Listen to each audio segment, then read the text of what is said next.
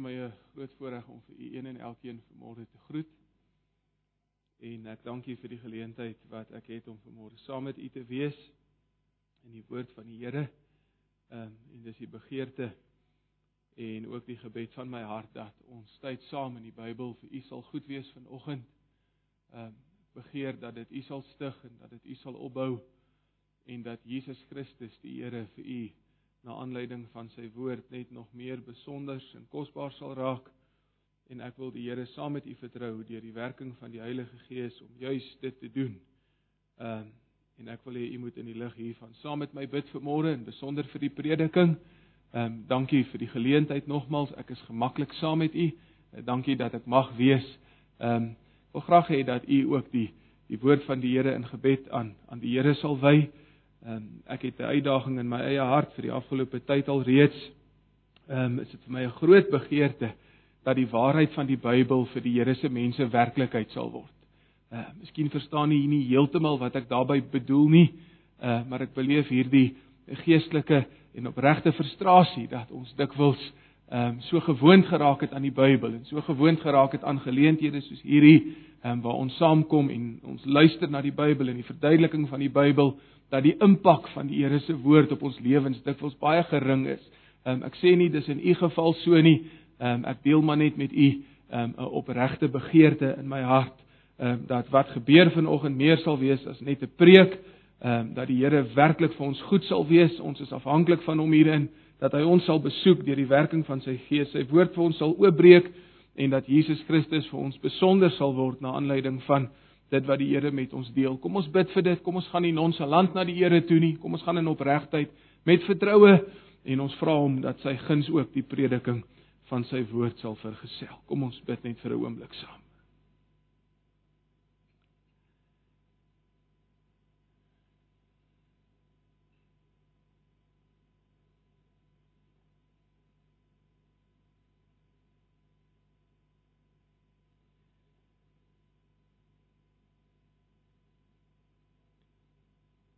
Hemelse Vader, dis met 'n besef van my van my eie gebrokenheid dat ek voor U en U gemeente staan vanoggend. En dis nie net 'n besef van my eie gebrokenheid nie, Here, ek is ook deeglik bewus van my eie onwaardigheid in my onvolmaaktheid om vanmôre as knegg van die Here te sê so spreek die Here van die leerskare. Ons wil nie vanoggend die Here vanuit gebruik of gewoonte met u of u waarheid omgaan nie. Here, dis nie ons tradisie of ons kultuur waarin ons groot geword het wat vir ons gestuur het vandag nie. Ek wil glo dat daar in elkeen van ons se harte 'n Godsbesef is. Um, ons het deur u genade u leer ken en wie u is en u waardigheid het ook in hierdie dag vir ons gebring na hierdie byeenkoms waar ons in u naam vergader en ook vertrou dat u as waarmaker van u woord in ons midde is. Here dat U ook met ons bemoeienis sal maak en wil maak deur die prediking van die Bybel. My gebed is dat wat gebeur vir ons meer sal wees as net 'n samesyn, meer as net 'n erediens, meer as net nog 'n boodskap wat ek hoor. Here, dankie vir almal wat gekom het, die kinders en die jong mense en die volwassenes en ook die ouer mense. Ek bid Here dat u waarheid vanoggend werklike impak sal hê op elke hart. En dat ons vandag sal huis toe gaan met die wete dat ons by die Here was. En Here met 'n nuwe verwondering. Vader vir u seun Jesus Christus wat nie net ons verlosser is nie, maar wat soos ons sal sien vanoggend ook ons voorspraak is by die Vader. En ons het hom nodig om in ons plek te staan nie net in terme van sy lewe en dood nie, maar ook in terme van sy bediening tans as die een wat leef om vir ons in te tree. Kom my eie swakheid te hulp, Here, ek voel baie gebrekkig. um, in wat moet gebeur vanoggend. My vermoë is beperk. En ek wil U vertrou om goed te wees in die kansel vir U self en ek wil U vertrou om goed te wees in die bank vir U self. Hierdie is U gemeente. U naam is oor elke lewe uitgeroep. U eer is op die spel. Dis U mense wat nie verniet gekom het nie, wat U gekoop het met die lewe en die dood van U seun. Jesus Christus die Here. So ons wil vanoggend na U kyk eh, waar sonder ons nie kan nie ons wil U vertrou om vir U self goed te wees deur U waarheid in ons harte te seën. Dit sal wees tot lof van U heerlikheid. Ehm Here kom doen 'n werk in ons lewe tot die verheerliking van U naam. Ons gee onsself in geloof vir U met die vertroue dat U beloon die wat U soek. En al is dit 'n gebrekkige poging, Here, ons soek U in hierdie oggend en moenie verby ons beweeg nie. Vertoef net 'n oomblik ook by ons in U woord en maak U self vir ons besonders want U verdien dit. So as ons bid en vra dat U sal antwoord op ons gebed, dan is dit nie ons verdienste waarop ons reken nie. Ons kyk na U eie waardigheid en ons vra Here dat U U eie meriete in berekening sal bring en op grond van U self sal gee wat ons ook in hierdie môre van U vra ehm, tot lof van U heerlikheid. Amen. As u die Bybel saamgebring het dan is u baie welkom om dit saam met my oop te maak by 1 Johannes hoofstuk 1 en ek wil graag vanmôre saam met u vertoef vanaf vers 8 tot en met hoofstuk 2 vers 2. Ehm um, net 'n korter gedeelte. Ehm um, 1 Johannes, dis nie die evangelie van Johannes nie. Ehm um, so 'n bietjie meer na die agterkant van u Bybel sal u die eerste brief vind 1 Johannes ehm um, hoofstuk 1 en ek wil graag saam met u kuier ehm um, vanaf vers 8 tot en met hoofstuk 2 ehm um, vers 2. Bekende gedeelte ehm um, en ek wil graag op een spesifieke waarheid saam met u fokus uh, na gelang van dit wat ons lees um, in die Bybel hier. Ons wil graag vanmôre iets beter verstaan um, van die Here Jesus Christus wat ons voorspraak is. Um, ons wil graag vanoggend iets meer begryp uh, van hierdie Bybelse waarheid waarvan ons lees in Hebreërs ook, hoofstuk 7 onder andere, um, waar God sê dat hy leef, Jesus Christus leef om vir ons in te tree en ek het gekom om u te bemoedig, dis in my hart en ek begeer dat die Here juis dit sal doen en dat die boodskap ook vanoggend vir u sal verligting bring en dat die Here Jesus se pragt en praal vir u opnuut vanmôre duidelik sal raak. Kom ons lees um, 1 Johannes 1 vanaf vers 8 tot en met hoofstuk 2 vers 2. Johannes skryf um, aan hierdie gelowiges en hy sê vir hulle in um, vers 8 hoofstuk 1 as ons sê dat ons geen sonde het nie, dan mislei ons onsself en dan is die waarheid nie in ons nie. Maar as ons ons sonde bely, hy is getrou en hy is regverdig om ons van hy is getrou en hy is regverdig om ons sonde te vergewe en om ons van alle ongeregtigheid te reinig. As ons sê dat ons nie gesondig het nie, dan maak ons hom tot 'n leienaar en dan is sy woord nie in ons nie. My kinders, ek skryf hierdie dinge aan julle dat julle nie moet sondig nie. En as iemand gesondig het, Ons het 'n voorspraak by die Vader, Jesus Christus, die regverdige. En hy is 'n verzoening vir ons sonde en nie alleen vir ons nie, ook vir die van die hele wêreld.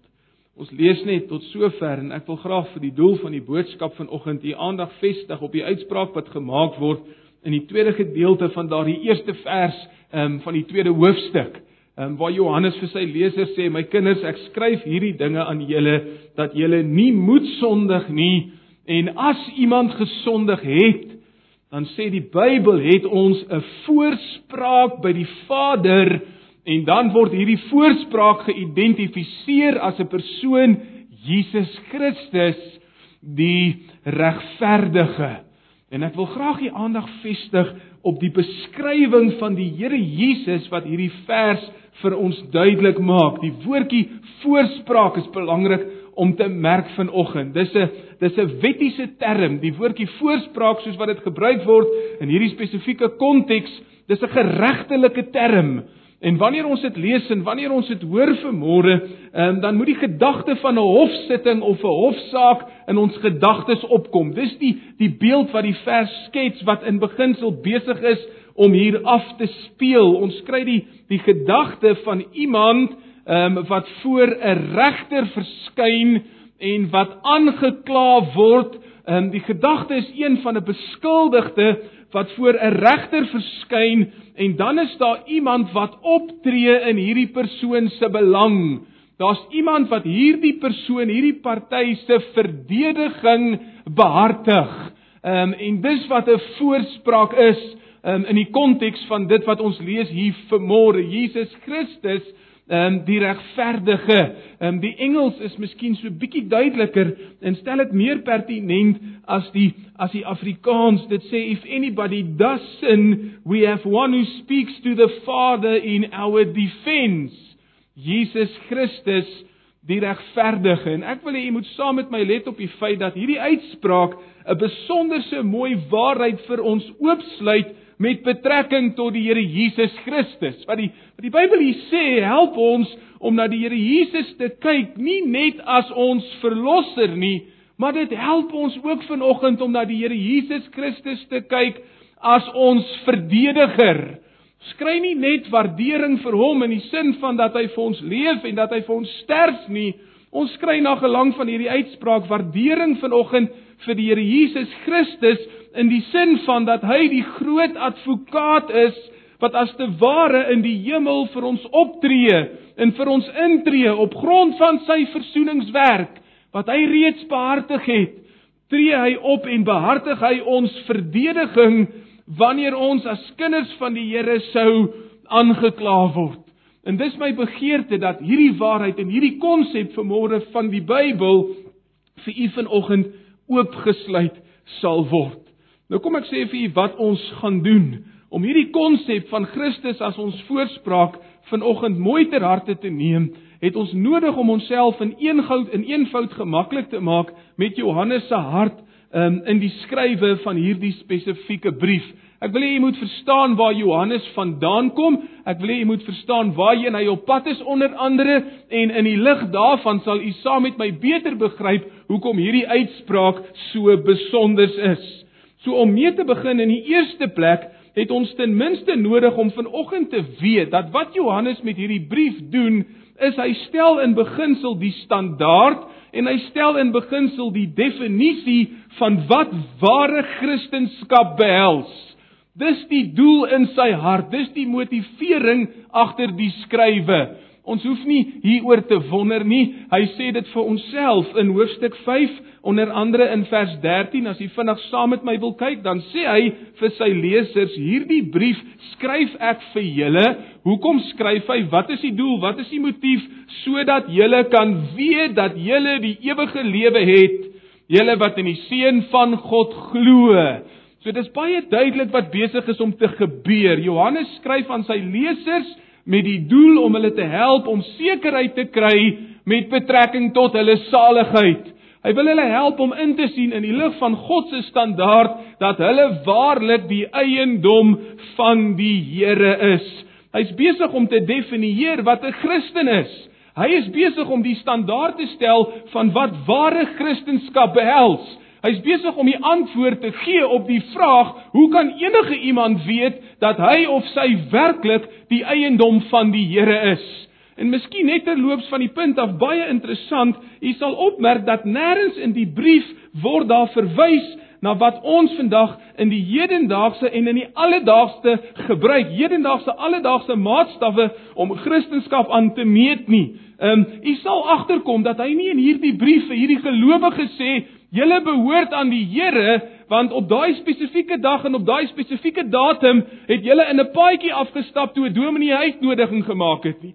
Dis nie die standaard wat hy stel nie. Dis nie die maatstaf wat hy aanwend om egte geloof mee te meet nie. Hy's nie besig om vir die mense te sê dat jy op grond van die feit dat jy op een of ander stadium in jou lewe die sondaarsgebed gebid het agter iemand anders aan, dat jy op grond daarvan kan weet dat jy reg is met die Here nie. Die Bybel in hierdie spesifieke brief het 'n heel ander benadering met betrekking tot wat ware en egte geloof is. Um, kom ek gee vir u 'n een idee. Let op wat hy sê byvoorbeeld in hoofstuk 1 vers 5 tot en met vers 7. Hy sê vir die lesers dis die verkondiging wat ons van hom gehoor het. Dis wat ons aan julle verkondig. God is lig en daar's geen duisternis in hom nie. En en hier kom die toets nou in vers 6. As ons sê dat ons met hom gemeenskap het en in die duisternis wandel, dan lieg ons en dan doen ons nie die waarheid nie. Vers 7: Maar as ons in die lig wandel soos wat hy in die lig is, dan het ons gemeenskap met mekaar en die bloed van Jesus Christus, sy seun, reinig ons van alle sonde. Met ander woorde, een van die kenmerke van ware en egte Christendom is dat kinders van die Here mense is wat sensitief is vir sonde. Mense wat sensitief is vir ongeregtigheid. Dit kan nie anders wees nie want God is lig en ons behoort aan die Here. Hy sê en wanneer ons sê dat ons aan hom behoort, maar ons wandel in die duisternis, ons leef in die ongeregtigheid, wel dan bedrieg ons onsself, dan is die waarheid nie in ons nie, dan mislei ons onsself. En dis wat hy doen deur die loop van die brief. Hy konfronteer die mense met die standaard sy lesers wat met die standaard van ware en egte kristendom. Let op hoofstuk 2 vers 3 eh, tot en met vers 6. Hieraan weet ons dat ons hom ken. En nou vra jy vanoggend, hoe kan ek weet dat ek hom ken? Daar's die antwoord: as ons sy gebooie bewaar. En dan in vers 4, iemand wat sê ek ken hom, maar sy gebooie nie bewaar nie, is 'n leienaar en die waarheid is nie in hom nie. Met ander woorde, as jy daarop aanspraak maak dat jy 'n kind van die Here is, maar jy het geen respek uh vir die Bybel nie, God het geen seggenskap in jou lewe nie, God se woord is nie jou autoriteit nie, die Bybel is nie 'n faktor nie, dan jy geen Bybelse reg om vanoggend op te staan en te sê ek behoort aan die Here nie. Maak nie saak wat jou oortuiging is nie. Hierdie is die die Bybelse standaard. Vers 6 sê as as iemand in Jesus Christus bly, jy kan vir jouself lees, dan behoort daai persoon self te wandel soos wat Jesus gewandel het. So hier's nog 'n 'n maatstaf. En dis nie net sensitiwiteit vir sonde nie, dis gehoorsaamheid. Dis wat ware en egte kristendom is. En weet jy wat gebeur? As 'n mens ernstig is oor wat die Here hier sê, dan kom jy agter dat Johannes besig is om die standaard vir Christendom baie hoog te stel. Hy's besig om die definisie baie eng vir ons neer te lê in hierdie spesifieke uh, skrywe. Um hoofstuk 2 vers 15. Ek wil net hê jy moet die gevoel kry. Hy sê moenie die wêreld lief hê of die dinge wat in die wêreld is nie, want as iemand die wêreld liefhet, dan is die liefde van die Vader nie in hom nie. So as dit alles waaroor jou lewe gaan, as jou hart net klop vir die tydelike, as jou hart net klop vir die aardse, as dit is waarom jou hele bestaan wentel, dan jy Bybelse rede om vanmôre twee maal te dink oor of jy waarlik en werklik waar 'n kind van die Here is. Dit wat hy besig is om hier te sê gemeente, is wat veronderstel is om ons as kerk van Jesus Christus anders te maak as die ongelowiges en as die res van die wêreld. Hy doen dit in elke hoofstuk in hoofstuk 3, byvoorbeeld daar vanaf vers 4 tot en met vers 9, sê Johannes elkeen wat die sonde doen, doen wetteloosheid, want sonde is wetteloosheid. Hy sê en julle weet dat Jesus verskyn het om ons sonde weg te neem en daar's geen sonde in hom nie en elkeen wat in hom bly sondig nie. Elkeen wat sondig het hom nie gesien nie en elkeen wat sondig het hom nie geken nie. Nou ek sal kwalifiseer wat die Bybel hiermee bedoel, maar die hart van wat Johannes sê is dat sonde nie die kenmerkende patroon kan wees van 'n kind van die Here se lewe nie. Met ander woorde, wanneer mense aan jou dink, wanneer jou naam genoem word in 'n geselskap of in 'n groep bespreking, is ongeregtigheid nie die eerste ding wat in mense se gedagtes moet opkom as jy 'n belydende kind van die Here is nie. Ehm um, neem iets byvoorbeeld soos liefde in vers 10 van hoofstuk 3. Hy sê hierin is die kinders van God en die kinders van die duiwel geopenbaar. Elkeen wat die geregtigheid nie doen nie, is nie uit God nie en hy wat ook nie sy broer liefhet nie. En ons verstaan dit gemeente, ons kan hiermee klimatiseer. Hoekom? Want God is, help my, God is liefde. En ons behoort aan hom en hy roep ons op om te wees en te word wat hy is En as hy liefde is en hy kom maak in ons lewe woning stelselmatig, moet liefde ook in ons en deur ons manifesteer. En en so kan ons aangaan en so kan ons aangaan um, deur hoofstuk 3, deur hoofstuk 4. Johannes is besig om baie eng vir ons te definieer wat en wie ware kristendom behels. Nou sal jy met my saamstem soos ek reeds gesê het vanoggend Terwyl Johannes hierdie standaard baie hoog stel, want dis wat hy doen, terwyl hy die definisie van ware kristendom baie eng definieer, is hy ook met ons eerlik in die tweede plek oor die feit dat perfeksionisme is nie vir ons beskore aan hierdie kant van die graf nie. En, en kom ek verduidelik, ek wil hê jy moet saam met my hierdeur werk vanoggend. Dis belangrik om ook hierdie realiteit om met dit tred te hou wanneer ons werk met hierdie spesifieke brief. As 'n mens Johannes lees en jy interpreteer hom tot die letter toe, dan kan jy dalk onder die indruk kom dat Johannes besig is om te sê dat 'n Christen 'n perfekte persoon is. Jy kan nie afleiding maak vanuit sommige uitlatings wat hy maak dat 'n kind van die Here iemand is wat foutloos is. En as jy nie foutloos is nie, as jy nie volmaak is nie, as jy nie perfek is nie, dan is jy nie 'n Christen nie. En dis nie wat Johannes bedoel nie. Hy stel die standaard weliswaar baie hoog, maar terwyl hy dit baie hoog stel, is hy ook met ons eerlik oor die feit dat ons dikwels aan hierdie kant van die graf sal struikel met betrekking tot ons onvolmaaktheid. En dis nie wat ek sê nie, dis wat hy sê. Dis waarmee ons begin het vanoggend in hoofstuk 1 vers 8. Hy sê as ons sê dat ons geen sonde het nie, dan mislei ons onsself en dan is die waarheid nie in ons nie. So die punt is moenie daarop aanspraak maak dat jy foutloos volmaak en perfek is nie want jy is dit nie. Inteendeel sê hy die ouens wat daarop aanspraak maak, hulle is die eintlike bedrieërs. En hy sê in vers 10 dis hierdie tipe mense wat God tot leenaar maak. Vers 10 van hoofstuk 1: As ons sê dat ons nie gesondig het nie, dan maak ons hom tot 'n leienaar en dan is sy woord nie in ons nie. Hoekom nie gemeente? Want God getuig en wat is God se getuienis? Hy sê almal het gewat. Gesondig. En die gevolg daarvan is dat almal ontbreek aan die heerlikheid van God. So sou daar iemand wees wat opstaan en sê, "Moet my nie inreken nie. Ek is nie deel van hierdie sonde identiteit nie." dan sê die Bybel is jy besig om God tot 'n leenaar te maak, want God se getuienis is almal het gesondig. Nou terwyl ons eerlik is met onsself as Christene hieroor en terwyl jy vanoggend saam met my maklik sal toegee dat ons nie perfek is nie, sal ons ook vanoggend as kinders van die Here bely dat hierdie onvolmaaktheid En ek wonder of u hart met my kan klimatiseer hierin. Ek wil hê jy moet luister na wat ek nou wil sê. Ons sal eerlik wees met mekaar dat hierdie onvolmaaktheid en ons konstante stryd teen sonde vir ons as kinders van die Here sekerlik ons grootste geestelike frustrasie is. En nie net is ons onvolmaaktheid vir ons 'n frustrasie nie, ons konstante gesukkel met sonde is baie dikwels ook die grootste oorsaak van geestelike depressie in ons lewe en ek hoop u weet vanoggend waarvan ek praat. Dit gaan vir my gemeente in hierdie spesifieke verband oor daardie stryd in 'n Christen waarvan Galasiërs 5 praat en waarvan Romeine hoofstuk 7 onder andere praat. Wanneer die Here 'n mens nuut maak, wanneer God deur sy Gees in jou lewe kom werk, dan kom skep hy in jou wat die Bybel noem 'n nuwe hart.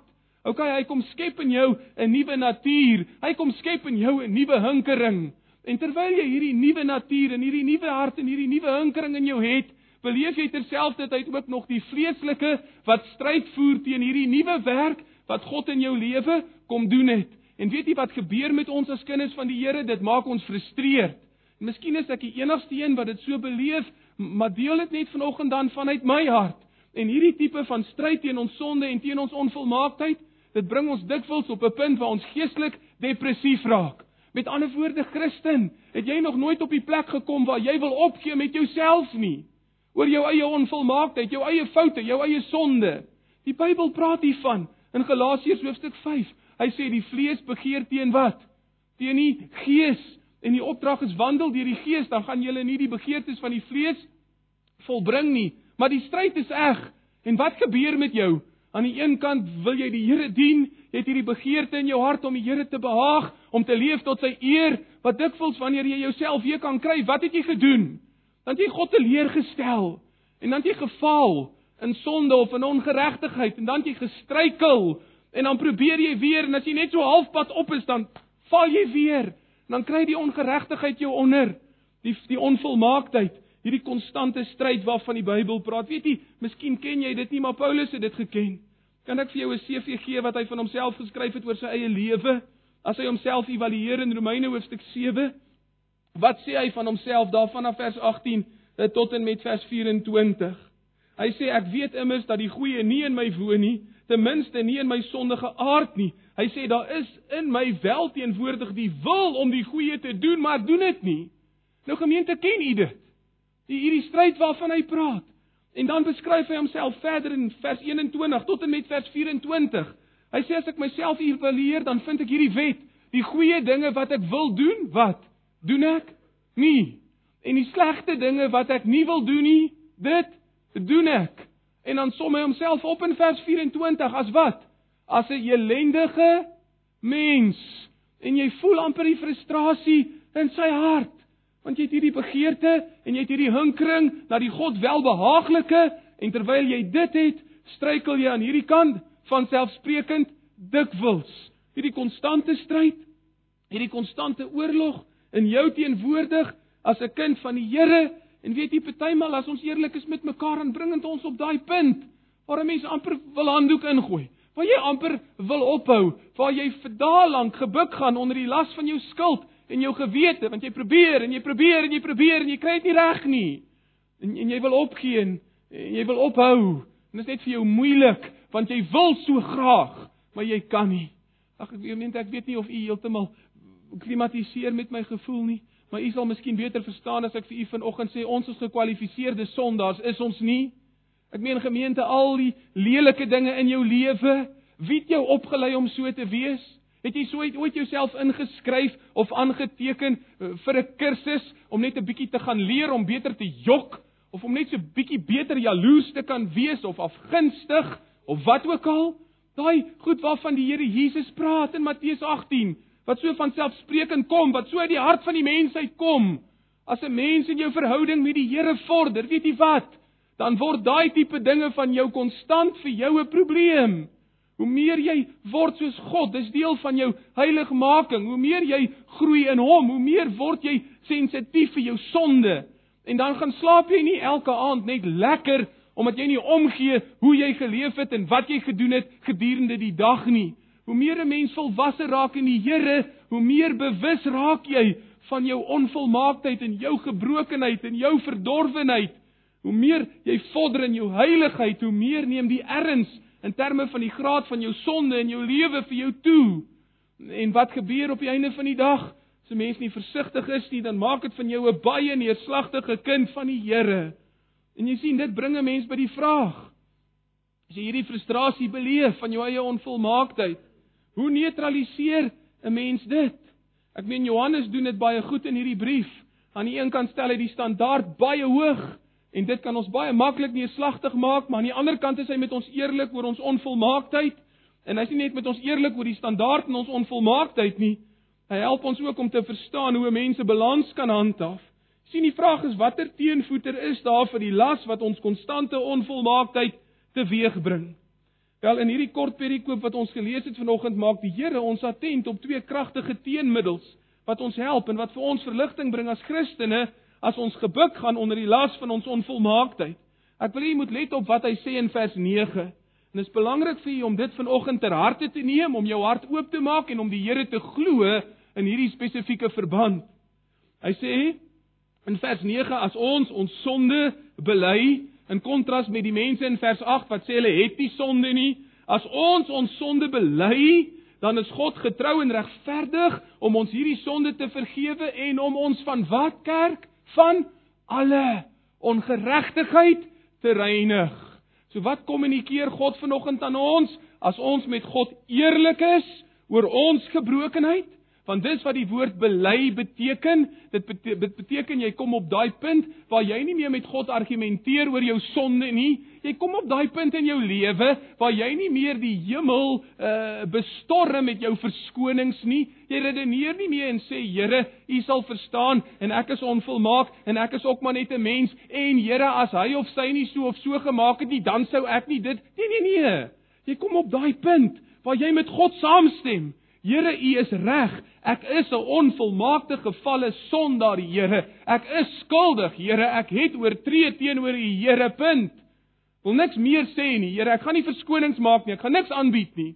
Die Bybel sê as ons daar gekom het op daai plek in ons lewe waar ons ons sonde bely, dan het ons die getrouheid en die regverdigheid van God waarop ons kan reken dat hy ons van wat?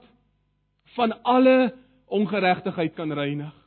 Ek wil so graag hê u moet dit ter harte neem vanoggend want Christene het nodig om dit te hoor. Omdat jy dikwels nie die vergifnis van God aanvaar nie, omdat jy dikwels God nie op sy woord vat as hy hier sê hy vergewe nie. Dis een van die redes hoekom ek en u dikwels gebuk gaan onder wat? Onder 'n tipe van 'n geestelike depressie, onder 'n on, onder 'n neerhalende kristendom. Weet jy hoekom? Dis hoekom jy na hierdie gemeente toe sal kom en tydens die nagmaalsdiens hier sal sit en jy's bewus van jou sonde en jy sit met trane voor die Here, jy's jammer vir wat jy gedoen het, jy bely dit aan hom, jy het berou daaroor, maar wanneer daai broodjie verbykom en wanneer daai kelkie verbykom, dan wil jy dit nie vat nie. Hoekom nie? Want ek is nie waardig nie. Ek het hierdie God van my so teleurgestel. Weet jy wat is jou krisis? Wat is jou probleem? Weet jy hoekom voel jy so? Die berou deel oor jou sonde en oor die onvolmaaktheid is goed en reg. Dit kom van God af. Dis hy wat dit vir jou gee deur sy gees maar dan het jy nodig om die ander kant van die waarheid te balanseer. Hy sê hy vergewe ons. So as jy nou vandag hier sit en jy gaan gebuk onder 'n gewetenslas, jou gewete is aangekla deur jou sonde oor dit wat 10 jaar terug in jou lewe gebeur het. En kyk kerk, kan ons eerlik wees met mekaar? Ek voel gemaklik om met u te wees. Ek en jy aanvaar partymal die vergifnis van die Here maklik vir die kleiner sondes om een of ander rede. Ons voel wanneer ons op klein skaal, want dis hoe ons dit definieer, ehm um, geoortree teen die Here, dan glo ons makliker God sal vergewe, maar wanneer ek geval het, soos 'n Dawid van ouds of 'n moord gepleeg het of 'n egbreek geval het of in wat ook al, dan staan sommige Christene net nooit weer op nie. Nooit weer herstel hulle geestelik voor die Here nie. Hoekom nie? Want hierdie vers nog nooit in hulle hart weer klink. Waar God sê, hy is getrou en hy is regverdig om ons van alle En gemeente alle beteken alle ongeregtigheid te reinig. So hier's baie bemoediging, hier's baie vrede, hier's baie rus vir ons vanoggend om ons eie te maak wanneer ons gebuk gaan onder hierdie konstante geestelike stryd met betrekking tot ons onvolmaaktheid. Maar behalwe vir dit, behalwe vir die beskikbaarheid van vergifnis, is daar iets anders om ter harte te neem. En hierdie is vir my persoonlik die mooiste deel van die boodskap. So as jy die ander gemis het, luister net nou. En dis hierdie waarheid waarna hy verwys. Jesus Christus as wat? As ons voorspraak. Hy sê in hoofstuk 2 vers 1, hy sê my kinders, ek skryf hierdie dinge aan julle dat julle nie moet sondig nie. Stem jy saam? Dis die ideaal? Is dit jou begeerte? Ek meen dis tog wat in 'n mens se hart weer klink as jy lief is vir die Here om nie te sondig nie. Dit sal wonderlik wees. Maar dan sê die vers en as iemand gesondig het, dan ons 'n voorspraak by die Vader Jesus Christus die regverdige. sien nie daai woordjie as in die Bybel? Ek's nie 'n kundige op hierdie gebied nie, maar dit staan geskryf in die oorspronklike in 'n vorm wat aanduidend is van iets wat 'n gegewe is. Met ander woorde, Johannes hou tred met die feit dat ons gaan oortree. Hy's in beginsel besig om hier te sê en as iemand gesondig het en jy gaan sondig, dan moet jy onthou. Wat moet jy onthou? Jy het 'n voorspraak by die Vader Jesus Christus die regverdige. Dis die troos, die troos van vergifnis en die troos van Christus as ons voorspraak. Nou ek het reeds genoem dat hierdie woord voorspraak 'n regsbegripse, regsbegrip is wat die beeld van 'n hofsaak skets. En um, ons kan klimatiseer hiermee gemeente, dis iets wat ons ken. Um, ons begryp in beginsel wat hier ten toon gestel word. Die gedagte van iemand wat voor 'n regter verskyn en aangekla word. Die gedagte van 'n hofsitting wat die vers by ons tuis bring. Kom ons dink net vir 'n oomblik vir môre deur hierdie deur hierdie beeld wat die Bybel vir ons skets, net om te voel wat Johannes aan ons wil kommunikeer. Dis die gedagte van 'n van 'n hofsitting. Ons ken dit. En wanneer ons in hierdie hof sou instap in 'n aardse konteks, dan vind ons onder andere verskeie partye. En ek wil hê u moet my help vanoggend. Wat jou waarskynlik eerste gaan tref as jy instap, is die teenwoordigheid van 'n regter. Dis iets wat kenmerkend is van enige hof. Daar's 'n regter. En hoekom is hy daar? Wat is sy posbeskrywing? Wat maak hy? Hy's daar om 'n oordeel te vel. OK, hy's daar om 'n vonnis uit te spreek. Die regter is daar om geregtigheid te laat geskied. En om dit te kan doen, het hy homself bekwam in die wet, is ek reg? En dis tog waaroor elke hofsaak gaan. Dit gaan immers oor die wet. Daar's net een ding wat ter sprake is, is daar teen die wet oortree of is daar nie? En as daar is, moet daar dien ooreenkomstig gestraf word en as daar nie is nie, moet daar vryspraak kom. Behalwe vir die regter is daar natuurlik die aanklaer. En wie is hy? Hy's die persoon wat daar is met een doel voor oë. Hy's daar om skuld te bewys. Hy's daar om die regter te oortuig dat daar teen die wet oortree is en dat geregtigheid die straf van die oortreder vereis. En daarom het hierdie aanklaer homself ook gebestudeer in die wet. En weet jy wat? Hy het hom nie net gebestudeer in die wet nie, omdat hy skuld wil bewys, het hy ook die saak gebestudeer. En hy het waarskynlik gekyk na al die verklaringe en hy het waarskynlik gekyk na al die forensiese bewyse wat daar is en hy gaan met hierdie oortuiging na die regter toe, hierdie party is skuldig. Maar dan is daar nog iemand en wie's hy? Hy's die verdediger. En hy is in hierdie hof om onskuld te bewys. Hy tree op namens die beskuldigde. En wat het hy gedoen? Hy ken ook die wet en hy het ook die saak bestudeer. Hy het ook na al die feite gekyk en hy het net een doel voor oë en dis om vryspraak vir die beskuldigde voor die regter te kry. En behalwe vir hierdie drie partye is daar dan die beskuldigde, is dit reg? En wie's dit? Dis die persoon wat daar staan en wat aangekla word voor die gereg. Jy sien gemeente, dis die toneel wat die vers vir ons wil skets wat afspeel in die hemel. Die prentjie is een van ons as mens wat aangekla word voor God. Maar in hierdie spesifieke hofsaak is daar 'n hele klompie faktore wat hierdie saak anders maak, wat hierdie saak uniek maak. Jy moet nou in berekening bring in die toneel wat Johannes skets. In hierdie geval is die regter God self. En dit maak 'n verskil as ek reg. Want jy sien, dit beteken onder andere dat hierdie regter is alwys. Dit beteken hy is bewus van elke liewe detail in die saak met betrekking tot die beskuldigde. So jy sien anders as aardse howe en aardse regters benodig die regter in hierdie saak nie die getuienis van mense om op die einde van die dag by 'n konklusie uit te kom nie. Hierdie regter in hierdie toneel het nie nodig om die saak te bestudeer en te kyk na die forensiese of wetenskaplike bewyse en voor hy uiteindelik 'n oordeel kan vel nie, omdat hy alwys is, weet hy presies wat gebeur het en wat hy weet is is dat hierdie beskuldigde wat aangekla word is wat is skuldig. Daar's geen twyfel in hierdie spesifieke verband nie. Maar nie net is die regter alwys nie. Jy moet onthou hierdie regter is in beginsel dan ook volmaak. En dit beteken hy gaan nie fouteer in sy uitspraak nie. So anders as in 'n aardse opset het die beskuldigde geen hoop om vry te kom op grond van 'n regter wat fouteer nie want dit gaan nie gebeur nie. En behalwe vir die feit dat hy al wys is en dat hy volmaak is, is hierdie regter ook die gewer van die wet in hierdie geval. So jy sien, anders as aardse regters het hy nie nodig om homself in te studeer in die wet nie, want die wet wat in hierdie saak ter sprake is, is sy wet en dit kom uit sy hart. Hy het dit gemaak en hy het dit gegee en derhalwe ken hy dit in 'n volmaakte sin. En aangesien die wet wat ter sprake die van die regter self is, word hy in beginsel in sy persoon aangetas deur die oortreding van hierdie spesifieke wet. U sien gemeente, dis nogmals anders as in die aardse opsig, waar die aardse regter homself instudeer in die wet en jy werk met die toepassing op grond van 'n stelsel, is dit nie die geval in hierdie saak nie. Die wet wat hier ter sprake is, is God se wet. Hy is die regter. Dit kom uit sy hart uit. En wanneer daarteen hierdie wet oortree word, word daarteen die regter in persoon oortree. Jy weet dis amper soos 'n pa wat 'n reël sal maak in sy huis.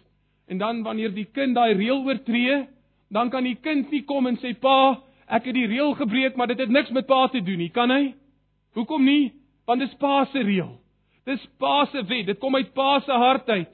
En wanneer jy daarteen oortree, oortree jy nie net 'n reël nie, jy oortree ook teen die gewer van die reël. En dis wat hierdie saak in beginsel anders maak.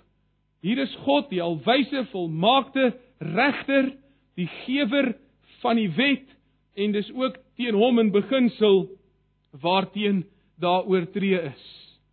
Maar behalwe vir die regter is daar natuurlik ook 'n aanklaer. En wie is dit? bly net by die toneel wat Johannes vir ons skets. En dan lees ons in Openbaring hoofstuk 12 onder andere by vers 10 die volgende waar die Bybel dit sê. Ek wil net hê jy moet dit ter harte neem. Johannes sê toe hoor ek 'n stem in die hemel wat sê nou het die heil en die krag en die koningskap en die eiendom van ons God gekom en die mag van sy Christus, want die aanklaer van ons broers is neergewerp. Hy wat hulle aankla voor ons God dag en nag. Van wie praat dit?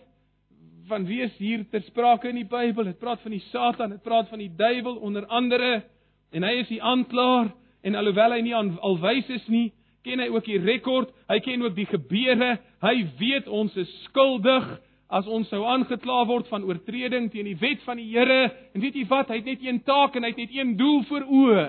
En wat gebeur is hy is daar om vir die regter te wys op jou foute op jou onvolmaaktheid en al wat hy die hele tyd doen is hy sê kyk regter daar het hy oortree daar het sy oortree. Kyk regter hy is skuldig sy is skuldig. Vel u oordeel straf oordeel. En dis die beginsel van wat besig is om te gebeur op 'n konstante basis Maar weet jy, dis nie net die regter en die aanklaer nie. Die Bybel sê daar's ook 'n advokaat wat optree in ons verdediging. En wie is dit? Vers 2, die eerste hoof, die eerste vers van die tweede hoofstuk, ons voorspraak, Jesus Christus, die regverdige. En weet jy, daar's ook 'n unieke karakter aan hom, is daar nie? Want jy weet in hierdie geval is die advokaat ook alwys. In hierdie hofsaak ken hy ook die rekord. Hy dra presiese kennis van al die oortredinge en hy weet ook dat die beskuldigde in wie se belang hy optree, Hy weet dat daai persoon skuldig is. Hy gaan ook nie die saak bestudeer nie. Hy het nie nodig om na die feite te kyk nie. Hy dra kennis van elke detail van dit wat plaasgevind het. Dit maak die saak anders. In hierdie geval is die advokaat foutloos. Hy het geen sonde of oortreding van sy eie nie, sê die Bybel. Maar weet jy wat maak hom spesiaal? Weet jy wat maak hierdie advokaat so besonder? Alhoewel hy foutloos is, verteenwoordig hy slegs mense wat skuldig is. Dis al sake wat hy sal neem. Dis al partye in wie se verdediging hy sal opneem. As jy wil hê hy moet jou saak behartig, moet jy na hom toe kom met skuldbelydenis. Jy moenie na hom toe kom met 'n verduideliking nie, jy moet na hom toe kom met 'n skulderkenning. En dis 'n vereiste, slegs diegene wat na hom toe kom met 'n skulderkenning, hy verdedig slegs hulle sake in hierdie hemelse hof. En weet jy wat maak dit spesiaal? Terwyl hy slegs skuldige mense verteenwoordig. Luister nou mooi, terwyl hy slegs skuldige mense verteenwoordig, het hierdie advokaat in die hemelse hof nog nooit 'n saak verloor nie. Nog nooit ooit 'n saak verloor nie, alhoewel hy slegs persone verteenwoordig wat skuldig is. En weet jy die beste van alles is hierdie advokaat is aangestel deur die regter wat hierdie hofsaak anders maak. En hierdie advokaat is nie net aangestel deur die regter nie, kom ek vertel jou nog iets van hom. Hy is ook die regter se seun, sê die Bybel. Want God het hierdie wêreld so lief gehad dat hy sy seun gestuur het sodat elkeen wat glo nie verlore sal gaan nie, maar die ewige lewe kan hê. So wie staan nog? Ons het die regter en ons verstaan die uniekheid. Ons het die aanklaer en ons verstaan die uniekheid. Ons het die advokaat en ons verstaan die uniekheid. En dan is daar die beskuldigde in die saak. En ook hy weet hy skuldig. Hierdie beskuldigde gaan nie kom met 'n verduideliking of 'n verklaring nie. Hy kom dood eenvoudig met 'n skulderkenning voor die regter staan. Maar weet jy wat maak die saak anders? Hierdie beskuldigde is ook die regter se kind. Dis wat Johannes sê. Hierdie beskuldigde is die regter se kind. Nou vra ek u vanmôre as gemeente en ek's amper klaar. Sê vir my, hoe gaan hierdie hofsaak beslis word? Bedoelende hoe wen hierdie advokaat elke keer as hy almal in die hof verteenwoordig wat skuldig is. En die regter weet dit en die aanklaer weet dit en die advokaat weet dit op grond waarvan gaan die regter kwytskelding gee. En ek wil hê jy moet let op en leer vanmôre wat die basis is waarop hierdie saak beslis gaan word. Kyk na hoofstuk 2 vers 2 in jou Bybel, daar's een woord wat van kardinale belang is. Jesus Christus die regverdige ons voorspraak sê vers 1 en hy is 'n wat? Ek wil hê jy moet dit merk Christen, hy's 'n verzoening vir ons sonde. En nie alleen vir ons nie, maar ook vir die van die hele wêreld. Ek wil hê jy moet opmerk wat die basis van ons advokaat se verdediging voor die regter is. Wil jy moet insien vanoggend dat Jesus Christus wat optree in ons belang as ons verdediging, verdediger dat hy nie ons verdediger, ons verdediging baseer op grond van ons eie vermoë nie, Met ander woorde, kerk snap dit nou vanoggend. Wanneer jy aangekla word voor God in die hemel, staan Jesus Christus nie op en sê Vader, asseblief, dis alweer Willem, hy het alweer gefouteer, hy het alweer geval, maar gee hom net nog een kans nie. Asseblief, net nog een kans. En dan oor 2 minute later, dis weer Willem. Hy het weer oortree. Hy het weer die wet gebreek. Maar Vader, net nog 'n kans. Jesus Christus is nie in die hemel besig om te pleit vir net nog kansse vir sy mense nie. Want uit die aard van die saak sal so verdediging geen stand kan hou nie in die lig van ons eie onvolmaaktheid. Dit gaan nie werk nie, dit gaan nie gebeur nie. Wat sê die vers? Hy baseer sy verdediging op grond van sy verzoening, op grond van sy lewe en op grond van sy dood. Waarvan praat ek? Ek wil jy moet verstaan vanoggend. Kom ek probeer vir jou help. Werk saam met my deur die boodskap van die Bybel. Wat sê God in 2 Korintiërs 5 vers 21? Die Bybel sê God het hom wat geen sonde geken het nie wat sonde vir ons gemaak sodat ons kan word die geregtigheid van God in hom. sien u die beginsel van plaasvervanging daar? Hy word wat ons is sodat ons kan word wat hy is. Hy het geen sonde geken nie. God maak hom sonde sodat ons kan word die geregtigheid van God. Sien met my? Dis die boodskap van die Bybel, dis die evangelie. Jesus Christus se lewe en dood 1 Petrus 2 vers 24 Kolossense 2 vers 13 tot en met vers 15 wat sê dat hy die skuldbrief teen ons, die aanklagte teen ons, wat het hy daarmee gemaak? Nou moet u vir my help vanoggend. Dis vasgenaal waar? Aan die kruis. Hy het betaal vir dit. Hy het dit op hom geneem in ons plek vir ons namens ons.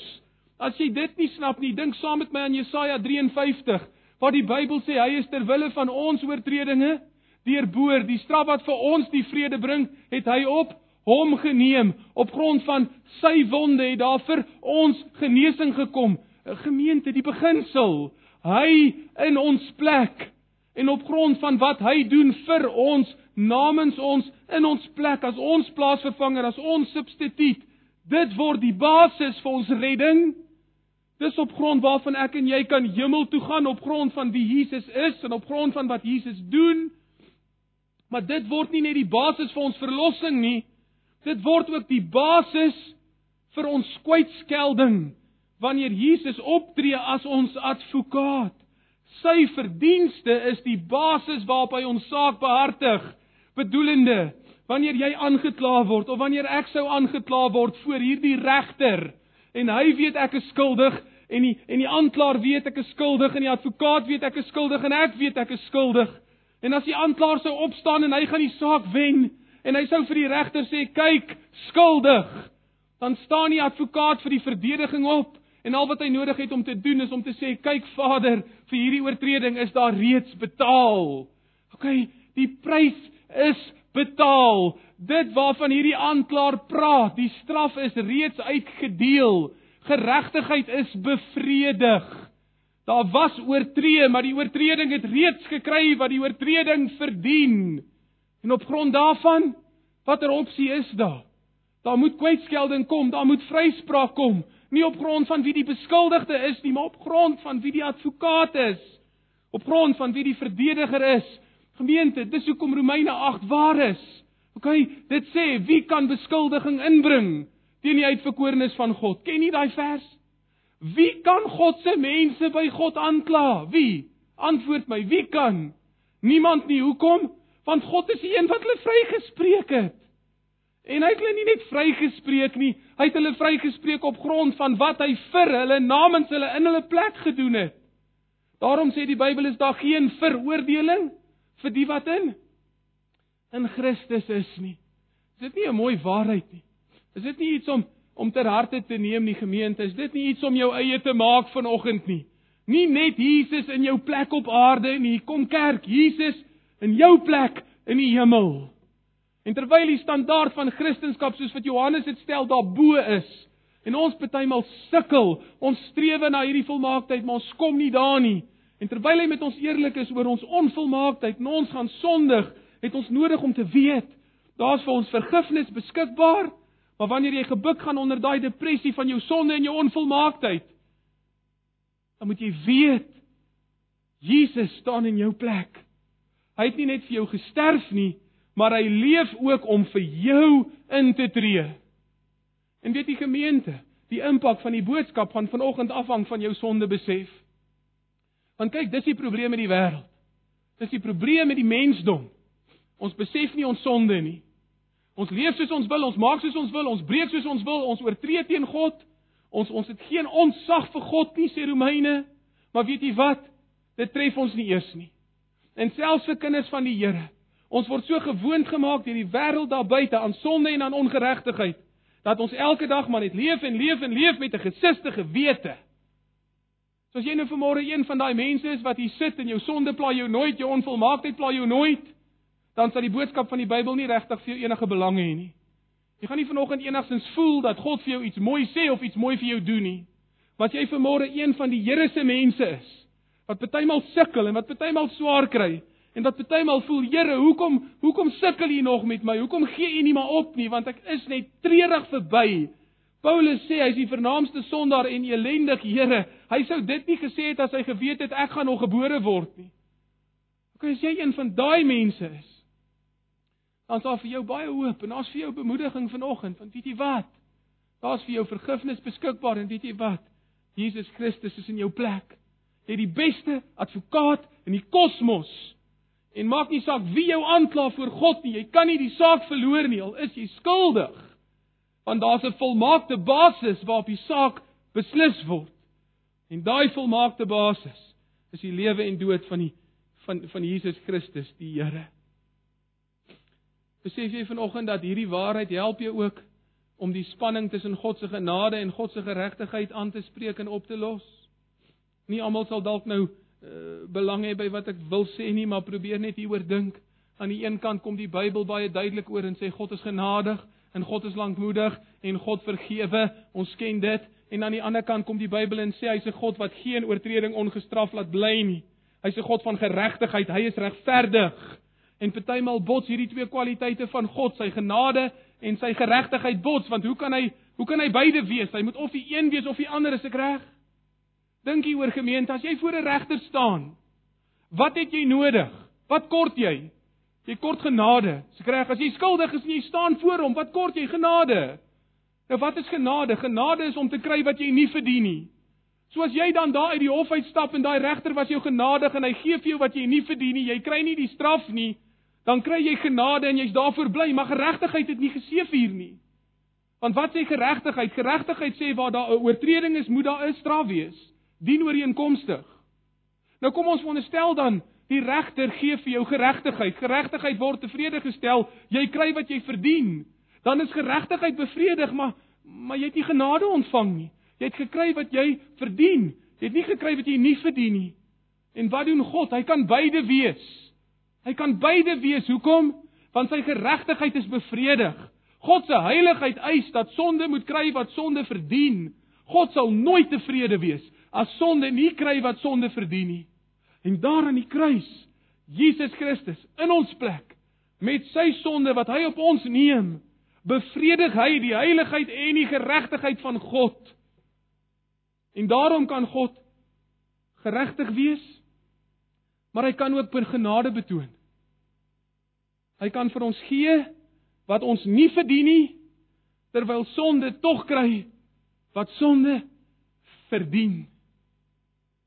So kan ek vir u tong en u kies iets sê vanoggend. Net by wyse van afsluiting. Ek dink anders as wat baie mense dink, is daar tog prokureurs en daar is advokate in die hemel. Daar is. OK. Maar, maar daar's net een wat praktiseer. Daar's net een wat praktiseer. En hy praktiseer in jou belang en hy praktiseer op grond van sy verdienste. Wie wat? Elke keer wanneer jou onvolmaaktheid en jou sonde frustrasies jou in geestelike depressie dompel en jy gebuk gaan onder 'n ongesonde las van jou onvolmaaktheid het jy nodig om iets te onthou Wat? Jy het 'n voorspraak in die hemel. Wat vir jou pleit nie op grond van wie jy is nie, maar op grond van wie hy is en op grond van wat hy gedoen het, beslis hy elke keer die saak in jou guns. Jesus Christus, jou voorspraak. Mag die waarheid so onvolmaak soos wat ek dit gekommunikeer het, mag dit tog 'n plek kry in iemand se hart vanoggend. Kom ons bid saam.